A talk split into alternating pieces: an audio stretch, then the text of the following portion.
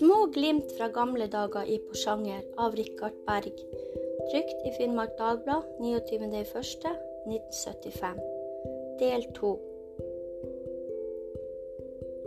Rikarda Greiner var 86 år gammel da hun i 1961 satt og fortalte meg om gamle dager i Porsanger. Som barn bodde hun på samme eiendom i Brennel som hun hadde på sine gamle dager. En gang hun var jentunge, sto hun på bakken utenfor huset sammen med mora si. Da kom et likfølge over bakketoppen, og Rikardas mor ropte Se hvor stor kubjelle hesten har. Den gangen hengte man kubjelle på hesten under gravferden, så man på lang avstand kunne høre når likfølget kom. Skjønt noe særlig stort likfølge var det aldri. Den gang Rikarda sto sammen med moren og så på følget som gikk forbi, var det bare to mann som fulgte kisten, akkurat nok til at de klarte å løfte den i grava.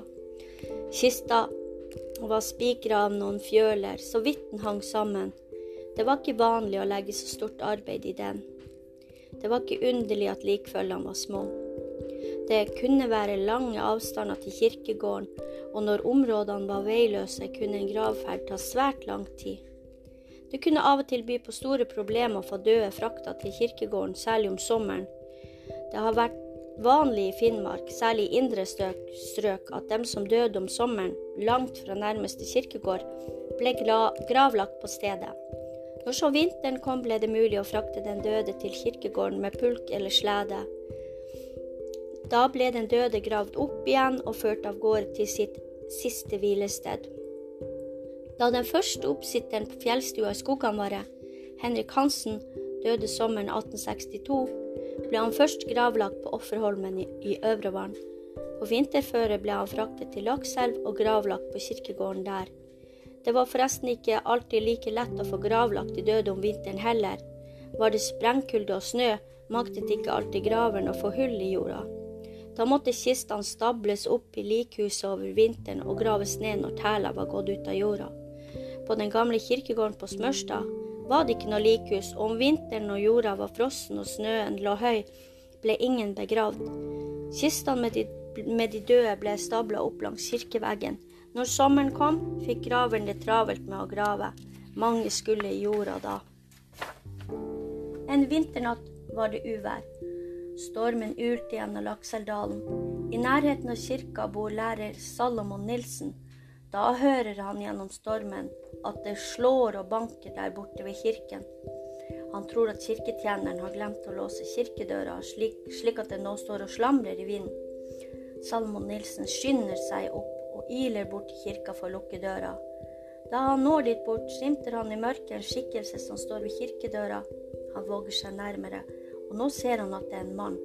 Mannen har et tau over skulderen. Med det trekker han en kiste over snøskavlen og inn i kirka. Da roper Salomon Nilsen og spør hvem det er. Det er Hans Andersen, kirketjeneren. Salomon Nilsen går bort til han. Kirketjeneren forteller at han var redd stormen skulle rive stabel med kister over ende og spre dem utover kirkegården. Derfor skyndte han seg til kirka for å trekke kistene inn i gangen. Han får hjelp av Salomon Nilsen. De bærer de døde inn i kirken.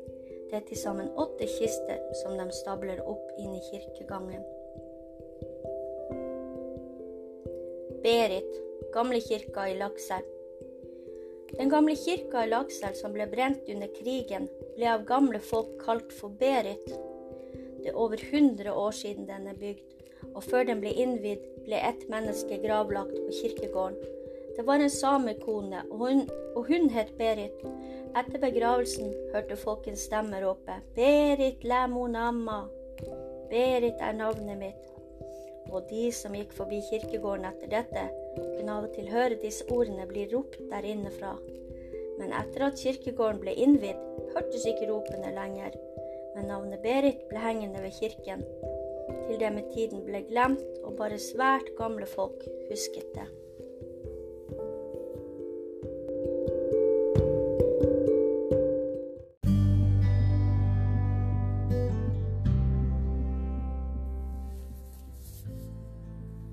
Det susende fjell nummer fire mot en ny tid av Rikard Berg. Det store hestesalget.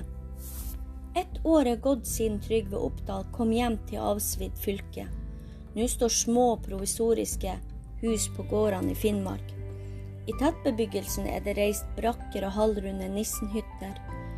Det var kommet et skip til Hambukt. Det var fullt med hester. 130. Det var fjordinger. De skulle fordeles til folk i Porsanger og Karasjok og sto i små staller i lasterommet. Det var én hest i hver stall, og stallene kunne heises opp på dekk. Trygve og Simon Johansen gikk fra Skoganvaret og var fremme i Hambukt om kvelden. Skipet lå ute på reden, for en båt med materiallast tok opp plassen, plassen ved kaia. Materialbåten hadde ikke hast, så det ut til, for lasten ble ikke lossa. Det var mye folk på kaia. Det var karer som skulle ha seg hest, men det var også mange andre der. Praten gikk livlig. Trygve snakka med folk og fikk høre nytt. Om bord i materialbåten hørte han fortelle var karer som hadde brennevin å selge. Derfor var det ekstra mange folk på kaia denne kvelden. Folk gikk om bord og kjøpte en flaske eller to. Mannskapet hadde kjøpt brennevin på polet i Tromsø, og nå gjorde de gode penger. En arbeidsgjeng fra Lakselv bodde i en brakke som sto avsides fra veien. Trygve og Simon gikk dit, for der var det mange kjente, og der fikk de seg en kopp kaffe. Så ville de ned på kaia igjen. De lot Ransland ligge igjen i brakka, for døra ble låst, og det var tryggere å la Ransland ligge der enn andre steder. Hestekjøperne hadde samla seg i en stor flokk, og etter hvert som tida gikk, ble de utålmodige skulle ikke materialbåten snart legge fra kai, så hesteskipet kunne legge til? Det var jo langt på natt, klokka var jo blitt to. Til slutt greip handelsmann Lillebo inn. Han gikk om bord i båten og ba kapteinen legge fra kaia, øyeblikkelig. Kapteinen svarte. Det er ikke din kai, det er de militære som har bygd den. Men ok, jeg skal trekke meg ut herifra. Og det hadde jeg gjort i alle tilfeller om ikke du hadde kommet. Men Alfred Lillebo sto igjen som seiersherren og så materialbåten gli på vågen. Hesteskipet fikk omsider legge til. Anton Olsen fra Gåradak var jordstyreformann og skulle stå for utdeling av hestene, som hadde hver sitt nummer. Og med nummeret fulgte et kort. Og det samme nummeret som sto på hesten, sto på kortet. Kortet og hesten hørte sammen. Det varte og det rakk, men Anton Olsen kom ikke i gang med utdelinga. Til slutt ble Trygve lei av å vente. Han sa til Charlie Steine som står ved siden av han, jeg går om bord i båten. Så skal jeg ta opp en hest, så tar du imot den når den kommer på dekk. Trygve gikk ned i lasterommet. Han studerte hestene. Med seg hadde han en fra mannskapet som tar ut en riktig fin hest til Trygve. Her er en som er større, men vi får ikke ut den stallen, for den står så langt bak. Trygve svarer. Jeg tar den her. Vi setter den heisen. Så skal jeg gå opp på kaia og ta den imot. Stallen kom opp. Trygve tok grimet på hesten. Han leide den i land og gikk oppover bakken. Da Anton Olsen ropte etter han. Hva det her skal bety? Du får ikke gå noen sted med den der hesten. Trygve hørte ikke etter og snudde seg ikke. For hadde han snudd seg, kunne Anton trodd at han hørte det. Han gikk til arbeidsbrakka, for han skulle bare inn og hente ranselen sin. Anton ropte at hvis han ikke kom med hesten, så skulle han nok komme hjem til han og hente den. Men det trodde ikke Trygve at Anton ville gjøre. Å gå mange mil for å hente annen manns hest, det var noe man ikke gjorde. Han hadde tenkt å gå direkte hjem til Skoganvar så fort han fikk tak i ranselen, men så var brakkedøra låst. Det hadde han glemt. Og alle arbeiderne var nede på kaia. Han bandt hesten sin fast i en bjørk. Da Anton så det, ropte han til Trygve. Du kan ikke få den der hesten.